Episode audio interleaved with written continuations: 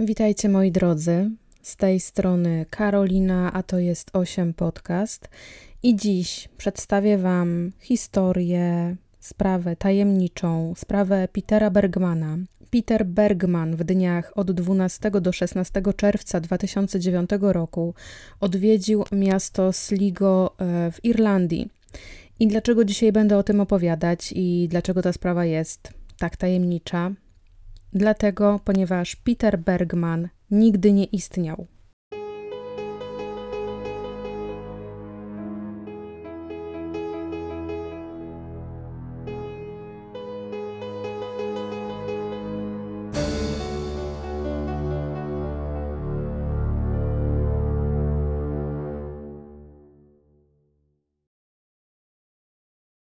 To znaczy, istniał jakiś człowiek i istniały dane osobowe, ale jego fizjonomia w połączeniu z imieniem i nazwiskiem Peter Bergman nie istniały. Rankiem 16 czerwca 2009 roku ciało początkowo niezidentyfikowanego mężczyzny zostaje odnalezione na plaży Roses Point i jest to bardzo popularne miejsce odpoczynku i rekreacji. Jak się okazało w toku śledztwa, mężczyzna użył aliasu Peter Bergman, żeby zameldować się w hotelu Sligo City dnia 12 czerwca 2009 roku. W hotelu przebywał przez większość czasu, wychodził na zewnątrz rzadko, nie wdawał się w jakieś przesadne kontakty interpersonalne, ale kiedy już to robił, to rozmówcy słyszeli jego mocny niemiecki akcent. I tak też opisali go pracownicy hotelu jako właśnie mężczyznę mówiącego z silnym akcentem. Peter był mężczyzną szczupłym, miał krótkie siwe włosy i wyglądał na takiego mężczyznę z przedziału wiekowego między 50 a 60 lat. Jego wzrost szacowano na około 179 cm. Miał niebieskie oczy i opaloną skórę. Nie miał na twarzy zarostu, jego włosy były czyste i uczesane. Był dobrze ubrany, jego okrycie wierzchnie stanowiła czarna skórzana kurtka, spodnie.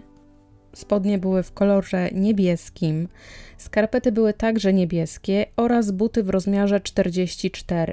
Jego ubrania pochodziły ze sklepu CNA, czyli dosyć popularnego sklepu w Europie. Mężczyzna często palił, a i na kilku nagraniach uwieczniony jest na zewnątrz hotelu, jak puszcza dymka. Peter Bergman pierwszy raz został zauważony przez kamery 12 czerwca pomiędzy godziną 14.30 a 16 w zajezdni autobusowej w Derry. Jego bagaż stanowiła walizka, oraz czarna torba. Czarna torba to była taka torba na laptopa, którą on nosił na ramieniu. Mężczyzna wsiadł do autobusu, który jechał na stację Sligo. 28 minut po godzinie 6 był już właśnie na tej stacji, a tam wsiadł w taksówkę i prosił o zawiezienie do jakiegoś taniego hotelu. Pierwszy hotel, do którego e, zajechali z taksówkarzem, był już w pełni zarezerwowany, tak więc jako kolejne miejsce taksówkarz zaproponował Sligo City Hotel. Za swój pobyt w hotelu Peter zapłacił gotówką. I podczas procedury zameldowania podał nazwisko Peter Bergman, pisane przez 2N, co miało wskazywać na jego pochodzenie jako austriackie, a nie i nie jako mieszkańca Niemiec. Gdyby był mieszkańcem Niemiec, to to jego nazwisko zawierałoby jedną literę N.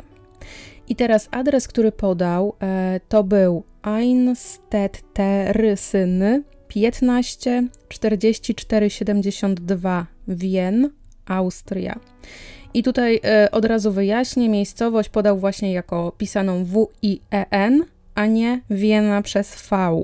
I jeśli chodzi o nazwę ulicy, to też proszę, żebyście mnie na początku nie atakowali, że kaleczę, bo on dokładnie tak napisał. Peter nie okazał żadnego dokumentu tożsamości, który to mógłby tę jego tożsamość potwierdzić, i też nie został poproszony o taki dokument przez osobę, która go meldowała. Czy ta osoba powinna poprosić o jego dowód? Zdecydowanie tak, natomiast tego nie zrobiła, a Peter wykupił opcję trzech nocy razem ze śniadaniem w Sligo Hotel. Zapłacił za swój pobyt 65 euro i został mu przydzielony pokój numer 705. Kolejnego dnia, 13 czerwca, Peter widziany był podczas swojego spaceru do głównego urzędu pocztowego i był widziany o godzinie 10.49. Tam zakupił 8 znaczków i koszt każdego ze znaczka wynosił 82 centy. Zaopatrzył się też w kilka naklejek pocztowych. Najwyraźniej wszystkie listy miały być skierowane do odbiorców spoza Irlandii, ponieważ w roku 2009 koszt listu wysłanego do adresata mieszkającego w Irlandii wynosił 55 centów, a listy zagraniczne kosztowały właśnie 82 centy. Tego dnia e, opuszczał hotel kilkukrotnie, niosąc w ręku fioletową torbę, czy też siatkę, jak kto woli, wypełnioną prawdopodobnie jego osobistymi rzeczami. Kiedy wracał ze spaceru, za każdym razem siatki ze sobą nie miał, także to, co miał w siatce, po prostu gdzieś opróżniał, wyrzucał, e, siatkę zwijał, składał i chował do kieszeni. Natomiast na nagraniach z kamer e, nie widać, żeby siatka miała jakieś nadruki, jakieś etykiety, jakieś napisy, które mogłyby sugerować miejsce zarówno pochodzenia siatki, jak i ewentualnie miejsce pochodzenia Petera. Prawdopodobnie wyrzucił rzeczy do koszy umieszczonych na terenie miasta, ponieważ kiedy wrócił ze spaceru, no to nie miał ze sobą e, za każdym razem tej siatki. Śledczy później nie byli w stanie zidentyfikować, co i gdzie mężczyzna wyrzucił, ponieważ podczas wyrzucania poruszał się w tak zwanym martwym polu kamer monitorujących i jego ruchy opisywane były jako takie bardzo drobiazgowe, metodyczne, jakby wiedział dokładnie, co chce ukryć i gdzie chce ukryć i co chce, żeby nie było widziane. 14 czerwca w sobotę między godziną 11 a 11.30 poprosił taksówkarza Gerarda Higginsa o podwiezienie go do Strand Hill, ale i spytał o ładną, cichą plażę, gdzie mógłby sobie posiedzieć, a gdyby go ochota naszła, to zostawić spokojnie rzeczy i pójść sobie popływać. Taksówkarz polecił nieznajomemu plażę Roses Point jako jego zdaniem najlepsze miejsce do odpoczynku, ponieważ plaża przy Strand Hill była miejscem, gdzie głównie przebywali ludzie, którzy chcieli popływać czy to na kajcie, czy na różnego rodzaju deskach, na jakichś łódkach. Tak więc ostatecznie zawiózł mężczyznę na wskazaną przez siebie plażę.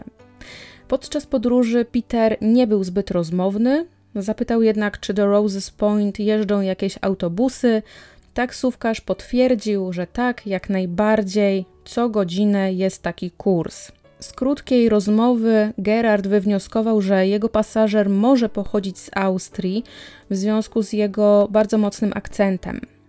Kiedy tam dotarli, mężczyzna rozejrzał się po okolicy. Wyglądał, jakby miejsce mu się spodobało, nie wychodził na tę plażę, po prostu powiedział taksówkarzowi, że e, mogą jechać dalej, natomiast nie zamówił kursu bezpośrednio do hotelu z powrotem, a poprosił o wysadzenie go na dworcu autobusowym w Sligo. Kiedy już tam był, e, kierowca dał Peterowi swoją wizytówkę i powiedział, że żeby się po prostu z nim skontaktował, jeśli tylko będzie potrzebował podwiezienia. Peter podziękował i zapłacił za kurs banknotem o nominale 20 euro. Tego dnia też wielokrotnie wychodził z fioletową reklamówką i wracał do hotelu bez niej. Jedyną interakcję, jaką podejmował z recepcjonistą tego dnia, to było przyniesienie przez niego kluczy od pokoju przed wyjściem każdorazowo i każdorazowo odebranie tych kluczy po przyjściu z miasta.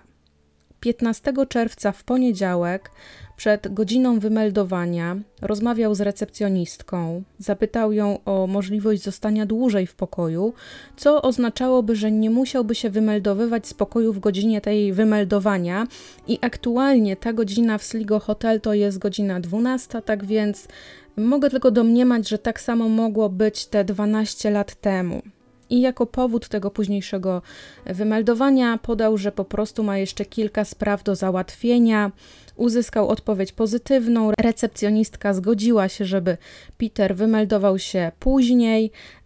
No i Peter wrócił do pokoju i za chwilę wyszedł e, jeszcze raz z hotelu z fioletową reklamówką. Z hotelu wymeldował się o godzinie 13.06. Tak samo na ramieniu miał torbę na laptopa, którą miał w dniu zameldowania.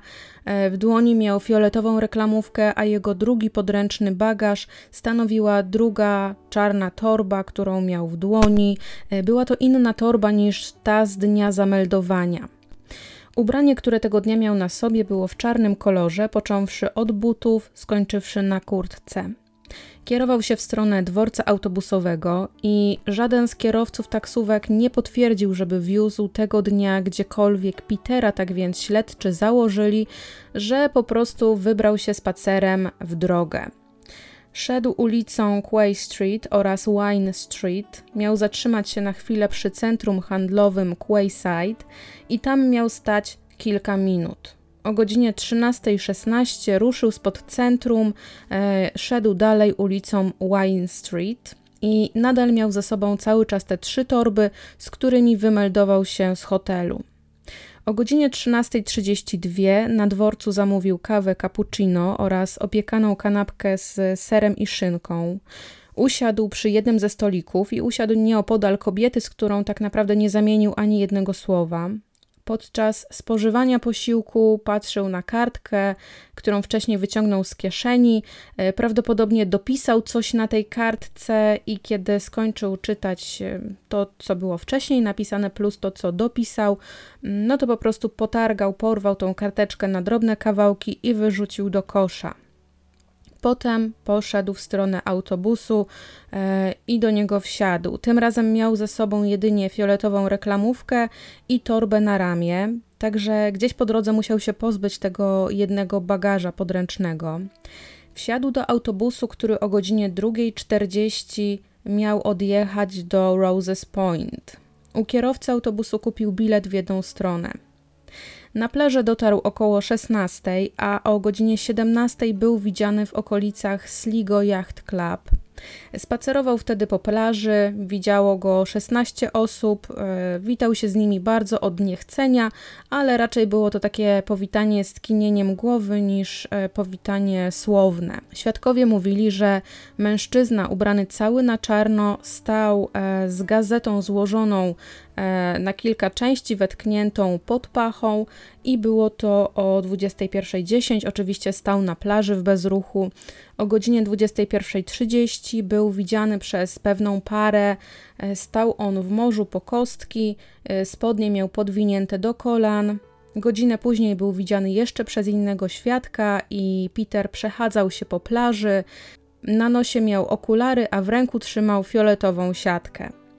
O godzinie 23 Peter nadal przechadzał się po plaży i widziany był przez kolejnego świadka. Ostatnia osoba widziała Petera o godzinie 23.50 i według informacji na tamten dzień e, za około 30 minut miał zacząć się przypływ.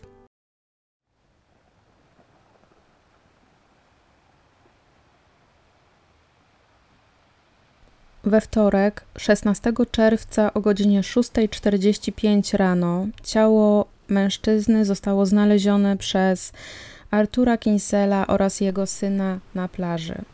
Mężczyźni byli na Roses Point e, o tak wczesnej porze, ponieważ Brian trenował do triatlonu. Peter miał na sobie fioletowe kąpielówki w paski, w które wsunięta była koszulka. I początkowo Artur myślał, że po prostu ktoś na plaży wyrzucił manekina. Jednak kiedy podszedł do, e, do człowieka, do, do Petera, e, dotknął jego, jego kostki, to później opowiadał, że była ona tak zimna jak kamień. Bardzo nie byli przygotowani ci mężczyźni na takie, na takie znalezisko z samego rana, więc żeby się wewnętrznie uspokoić, zmówili nad zwłokami modlitwę Ojcze Nasz i potem zadzwonili na posterunek policji. O godzinie 8.10 rano dr Valerie McGowan oficjalnie potwierdziła śmierć mężczyzny, a Gardai rozpoczęła w jego sprawie śledztwo. Większość ubrań Petera była złożona w jednym miejscu na plaży. Jego skarpetki włożone były w buty, a buty ułożone na spodniach. Po przyjrzeniu się każdej sztuce ubrania okazało się, że mężczyzna wyciął absolutnie wszystkie metki. I tutaj dla porządku podam to, co śledczy znaleźli teraz na plaży, co należało do mężczyzny. E, było to, były to czarne skórzane buty Fin Comfort, buty w rozmiarze 44, wyprodukowane w roku 2002 w Niemczech, ciemne skarpetki, czarna skórzana kurtka marki C&A, granatowe spodnie także z C&A, czarny sweter bez rękawów, czy jak kto woli kamizelka marki Tommy Hilfiger, czarny skórzany pasek e, firmy Key West e, wyprodukowany we Włoszech. Po przeszukaniu kieszeni ubrań mężczyzny śledczy znaleźli też 140 euro w banknotach oraz 9 euro w monetach. Znaleźli paczkę chusteczek, e, aspirynę, która produkowana była w Czechach, a dystrybuowana na tereny Niemiec, plastry marki Hansa Plast, kostkę hotelowego mydła w nieotwartym niebieskim plastikowym opakowaniu i na tym opakowaniu był nadruk Mild Soap e, Hotel Care i podczas późniejszego śledztwa okaże się, że to nie była marka mydła produkowana ani sprzedawana w żadnym hotelu w Irlandii. Czego nie było w tych rzeczach osobistych, to nie było tam portfela, nie było żadnych dokumentów wskazujących na to, kim jest mężczyzna. E, nie było też jego okularów, które cały czas nosił, które mogliście widzieć. Um, na nagraniach, które załączyłam do tego podcastu. E, nie było też żadnego ze znaczków za 82 centy. Nie było niebieskiej koszuli, którą Bergman miał na sobie w chwili opuszczania hotelu. No i nie było też czarnej torby na ramię oraz nie było fioletowej plastikowej torby czy też siatki. Jego ubrania zostały zebrane i umieszczone w kartonowym pudle. Pudło to zostało opisane jako ubrania slash e, rzeczy osobiste niezidentyfikowanego mężczyzny znalezionego na Roses Point 16 czerwca 2009 roku. I to pudło wraz z całą zawartością przechowywane jest do dnia dzisiejszego w magazynie Gardai w Sligo. Sekcja zwłok została przeprowadzona 17 czerwca 2009 roku, czyli dzień później, jednak jej wyniki zostały ujawnione szerzej dopiero 14 kwietnia 2010 roku. Pomimo, że Peter wyglądał jak typowa ofiara utonięcia, został znaleziony na brzegu w pozycji sugerującej wyrzucenie przez morze, no to jednak patolog stwierdził, że Peter nie miał klasycznych objawów sugerujących, że, że utonął w słonej wodzie, czyli w jego płucach nie było ani grama wody. Natomiast y, miał objawy zawału serca i to właśnie to wpisał patolog jako przyczynę jego śmierci. Czy Peter czekał na przypływ, żeby pójść, popływać z nadzieją, że już nie wróci do brzegu, czy biorąc pod uwagę jego stan zdrowia, o którym za chwilę opowiem, liczył na to, że po prostu umrze z powodu zbyt dużego wysiłku na wodzie, e, który to wysiłek poskutkuje atakiem serca. Jego ciało też nie nosiło żadnych obrażeń, które mogłoby sugerować, że mm, w jego śmierć e, zaangażowana była jakaś osoba postronna. I teraz, jeśli chodzi o dalsze badania i sekcja zwłok. Dalsze badania patologa oraz sekcja zwłok ujawniły, że stan zdrowia mężczyzny był bardzo zły. Miał on bardzo zaawansowanego raka prostaty z przerzutami do kości oraz płuc. Lekarz ocenił, że mężczyzna miał za sobą przynajmniej e, jeden atak serca. Na pewno miał tylko jedną nerkę, druga została mu usunięta. Raport toksykologa nie stwierdził obecności żadnych leków w jego organizmie, co biorąc pod uwagę jego ogólny stan zdrowia, e, no to mężczyzna musiał bardzo cierpieć i w związku z tym powinien, czy mógłby przyjmować jakieś leki przeciwbólowe, czy to wypisane na receptę, e, czy takie dostępne bez recepty. Zęby Petera były w bardzo dobrym stanie. Widać było, że mężczyzna o nie dbał. E, miał jeden złoty ząb w górnej, tylnej części jamy ustnej oraz e, małe srebrne wypełnienie po lewej stronie żuchwy, na dole w okolicy dziąsła. Wiemy też, że mężczyzna był praworęczny, co zostało udokumentowane podczas podpisywania przez niego dokumentów meldunku e, w hotelu. Natomiast gdyby Peter nie zdecydował się zakończyć swojego życia na tych własnych warunkach, to w takim stanie, w jakim był, mógł przeżyć co najwyżej tydzień. Śledczy nie znaleźli żadnego dowodu osobistego, nie znaleźli paszportu, prawa jazdy, które byłoby wystawione dokładnie na te dane, jakie, jakimi posługiwał się mężczyzna. Nawet jeśli znaleźli oni dokumenty wystawione na nazwisko Peter Bergman, no to mężczyźni ci nie pasowali do opisu um, tego mężczyzny ze Sligo. Nigdy nie udało się im ustalić, do kogo oraz kiedy Peter wysłał listy, do których znaczki zakupił na poczcie. Także przeszukiwania koszy nie przyniosły żadnych efektów, a przeszukiwane były nie tylko publiczne kosze, publicznie dostępne, ale także na prywatnych posesjach, w nadziei, że być może w którymś z nich jeszcze będzie jakaś wskazówka, żeby może śledczy jakoś mieli jakiś trop, dowiedzieli się, kim był Peter. Prawdopodobnie on pozbywał się nie tylko osobistych rzeczy, ale i ubrań, po których mógł być zidentyfikowany. I jakkolwiek nie miał problemów z tym, że widziany był na kamerach, wielokrotnie kursując z fioletową reklamówką, tak już zadbał o to, żeby miejsca porzucanych rzeczy były nie do namierzenia, i z tego co udało mi się dotrzeć do informacji, to on 13 razy wychodził z tą fioletową reklamówką i wracał bez niej. E, zostały także przeszukane kosze na dworcu autobusowym w nadziei, że być może znajdzie się tam ta kartka porwana, którą mężczyzna wyrzucił, e, na której coś zapisał, coś czytał.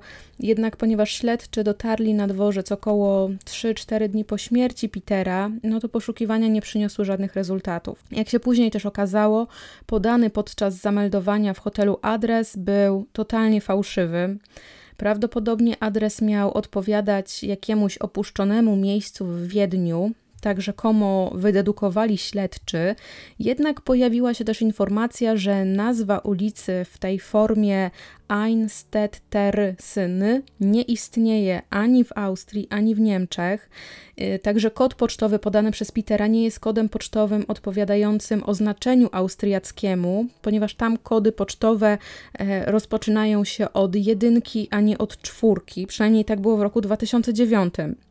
Jednak wielu ludzi e, nie może zrozumieć, jak śledczy dotarli do tej informacji, że adres podany przez Petera wskazywał jakieś, jakąś parcelę, jakieś opuszczone miejsce w Wiedniu. Prawdopodobnie Peter chciał, żeby podana przez niego nazwa ulicy brzmiała trochę jak niemiecka, jednak w języku niemieckim nie występują koło siebie w wyrazie takie litery jak trzykońcowe RSN. Jeśli chodzi o nazwę miasta, która podana była jako Wien, czyli przez W i EN, a nie Wiena przez V i przez 2N, no to Wikipedia twierdzi właśnie, że Wien, pisany w ten sposób, to jest niemiecka nazwa miasta Wiedeń, ale jest też częścią składową powiatu austriackiego istniejącego do roku 2016. Y, także gdzieś ciągle tutaj krążymy z tym pochodzeniem Petera wokół, wokół Niemiec, wokół Austrii. Natomiast jeśli chodzi o kod pocztowy, to on wskazuje w Europie, bo wskazuje też na świecie, ale ja skupiłam się na Europie, e, trzy miejsca. Jedno miejsce w Holandii i w tym momencie posłużę się pomocą Google Translatora, bo absolutnie nie chciałabym kaleczyć nazwy tej miejscowości, także wsłuchajcie się dokładnie. Heer Hendricks Kinderen. Także to jest nazwa miejscowości w Holandii.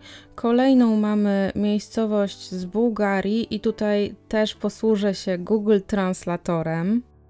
Dobry fit. Trzecim miastem europejskim, które wskazuje kod pocztowy, jest e, węgierskie miasto i tak samo użyję Google Translatora. Teraz.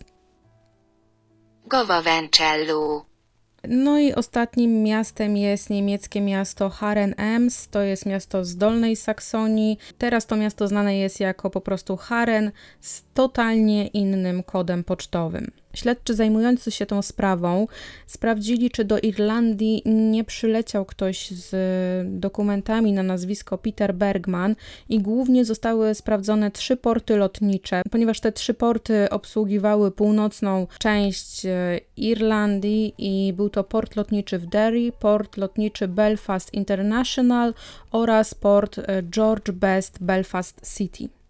Pomimo pięciomiesięcznego śledztwa, które prowadzone było przez irlandzką gardę, śledczy nie byli w stanie zidentyfikować mężczyzny. Nie byli też w stanie znaleźć żadnych tropów, żadnych dowodów, wskazówek w jego sprawie. 18 września 2009 roku jego ciało zostało skremowane i pochowane na cmentarzu w Sligo w grobie nieopisanym. W pogrzebie wzięło udział czterech policjantów Gardaj oraz dwóch pracowników cmentarza. W 2015 roku gazeta Le Monde, francuska gazeta, po wcześniejszym kontakcie z policją austriacką podała publicznie do wiadomości, że irlandzka garda nigdy nie skontaktowała się e, z policją austriacką w sprawie prawdopodobnie obywatela tego państwa, także w bazie Interpol nie było w ogóle żadnej informacji, żadnej wzmianki o Peterze. Prawdopodobnie nie było też takiej informacji, ponieważ um, nie był ani osobą zgłoszoną jako zaginiona, ani też nie był osobą poszukiwaną. A z tego, co udało mi się przeczytać, to Austria powinna zrobić takie zgłoszenie, jako że Peter bardzo prawdopodobnym jest, że był obywatelem państwa austriackiego, no ale w sumie też nie mamy takiej stuprocentowej pewności. W każdym razie w roku 2015 nie był on zgłoszony do bazy Interpolu. Póki co Peter Bergman jest nadal niezidentyfikowany. Pomimo apeli w austriackich, w niemieckich mediach nie zgłosili się żadni krewni, przyjaciele, znajomi. Śledczy ze Sligo przechowują nadal próbki materiału DNA należące do mężczyzny i być może któregoś dnia uda nam się poznać tożsamość Petera i być może nawet nie zakończy się to na wskazaniu tylko i wyłącznie obszaru, gdzie mieszkał, gdzie dorastał, ale zwrócenia mu po latach jego danych osobowych, mimo że on najwyraźniej nie chciał być, e, posługiwać się tymi swoimi danymi osobowymi do końca. Zostały też w toku śledztwa pobrane odciski jego palców i przepuszczone przez każdą możliwą bazę danych, jednak wyglądało na to, że Peter nie miał nigdy na tyle poważnych zatargów z prawem w przeszłości, żeby wcześniej te odciski miały być od niego pobrane. Sprawa Petera była porównana do sprawy odnalezienia mężczyzny z Somerton, jednak w przeciwieństwie do Tamama, sprawa Petera nie miała aż takiego rozgłosu i zmieniło się to w roku 2010, czego skutkiem było powstanie krótkiego filmu trzy lata później, który nosił tytuł, nosi tytuł The Last Days of Peter Bergman, czyli Ostatnie dni Petera Bergmana. Ten film rok później, czyli w 2014 roku został pokazany na festiwalu filmów Sundance. Od tego momentu, od, od momentu, kiedy ten film się pojawił, to sprawa odnalezienia Petera, czy zidentyfikowania Petera, e, zgromadziła wokół siebie taką e, niewielką grupkę fanów, może już teraz trochę większą, e, która to grupa na Reddicie konsultowała, konsultuje swoje teorie w związku ze sprawą Bergmana. Według mnie to jest smutna historia. Jest smutna, bo Peter Wydaje mi się, że raczej nie był żadnym szpiegiem, nie był żadnym agentem. Za jego śmiercią raczej nie stoi żadna tajemnica. Prawdopodobnie on chciał po prostu odejść na swoich warunkach. Prawdopodobnie dowiedział się, ile mu czasu zostało, no i stwierdził, że chce to zrobić po swojemu jak na takiego zwyczajnego mężczyznę, który po prostu chciał się rozliczyć ze śmiercią na własnych warunkach, no to musimy zwrócić uwagę na to, że on wyjątkowo dobrze poruszał się w tych martwych polach kamer. E, prawdopodobnie skrupulatnie planował od dłuższego czasu swoje odejście, skoro wyciął wszystkie metki, pozbył się wszystkich swoich osobistych rzeczy, nie chciał, żeby ktokolwiek wiedział, kim on był. Śledczy internetowi rozważają, czy dane osobowe Peter Bergman pochodzą od dwóch osób, czyli aktora austro-węgierskiego Petera Lora oraz aktorki szwedzkiej Ingrid Bergman. W sumie patrząc na czasy, w których żył nasz dzisiejszy bohater, no to ci aktorzy gdzieś tam w jego życiu mogli się przewinąć. Albo inna teoria mówi też o tym, że być może pożyczył w cudzysłowie te dane osobowe od niemiecko-amerykańskiego fizyka, który się nazywał właśnie Peter Gabriel Bergman przez 2N. A pożyczka może na przykład nie jest przypadkowa, tylko sugeruje, że ten mężczyzna mógł być w jakiś sposób na przykład związany ze światem fizyków, albo może powinniśmy się raczej tak przypatrzeć dniu śmierci e, Petera, ponieważ 16 czerwca to jest dzień, któremu patronuje święty Benon z Miśni, który jest notabene patronem rybaków, jest patronem Bawarii, jest patronem miasta e, Monachium. Jest też oczywiście patronem osób chorych, ale może Peter Bergman był rybakiem, może pochodził gdzieś z terenów Bawarii, albo może pochodził z Monachium, może był wojskowym, może był policjantem. To by tłumaczyło na pewno tę umiejętność poruszania się w obrębie kamer, tak żeby czujne oko kamer nie uwieczniło tego, czego Peter nie chciał pokazać. A może Peter był po prostu kryminalistą z wyjątkowo złą przeszłością, może nie chciał sprawiać swojej rodzinie dodatkowych kłopotów e, w związku z kremacją, w związku z pochówkiem, nie narażać rodziny na dodatkowe koszty. Być może w listach, które wysłał jako swoje ostatnie życzenie umierającego, zawarł prośbę, żeby nikt nie zgłaszał się w, po jego ciało, żeby nikt go nie identyfikował. Może to wyjaśnia czemu, czemu nikt go właśnie nie zidentyfikował, czemu śledczy nie dostali żadnej informacji o tym, kim Peter może być, pomimo tego, że jest bardzo wiele nagrań z kamer. Przez pewien czas Peter był e, podejrzewany o to, że jest Johannesem Kwistem, który to mężczyzna zaginął w 2004 roku 4 e, lipca Johannes był e, niezidentyfikowany przez 16 lat, e, został zidentyfikowany w zeszłym roku, w październiku i został zidentyfikowany na terenie Francji. Są pewne podobieństwa tak naprawdę wizerunkowe. Obaj mężczyźni są szczupli, obaj mężczyźni noszą okulary. No być może ten nos wygląda inaczej, usta może wyglądają trochę inaczej, e, jednak przez pewien czas właśnie Johannes był podejrzewany o to, że może on być Peterem Bergmanem. Jego wiek też by się zgadzał, bo Johannes w momencie zaginięcia miał 42 lata. No powiedzmy, że tutaj 5 lat później dobiegałby do 50, tak bardzo mocno naciągane, no ale Johannes został zidentyfikowany, także sprawa Petera jest nadal nierozwiązana. A może po prostu powinniśmy przestać dociekać, kim był Peter, skoro on tak bardzo starał się ukryć tę swoją tożsamość. Może te wszystkie pytania, które postawiłam w tym podcaście, powinniśmy zostawić to bez odpowiedzi, a jedyne pytanie, na jakie każdy z nas powinien sobie odpowiedzieć, to co ja zrobiłbym, zrobiłabym, gdyby okazało się, że zostało mi jeszcze tylko tydzień życia. I w sumie z tym pytaniem Was e, zostawię, z, tą, z, tymi odpowiedziami. A jeśli macie chęć, to w sumie możecie napisać o tym w sekcji komentarzy, co byście zrobili, gdyby został Wam jeden, jedyny tydzień życia. A ja się z Wami żegnam i do usłyszenia w przyszłym tygodniu. Pozdrawiam.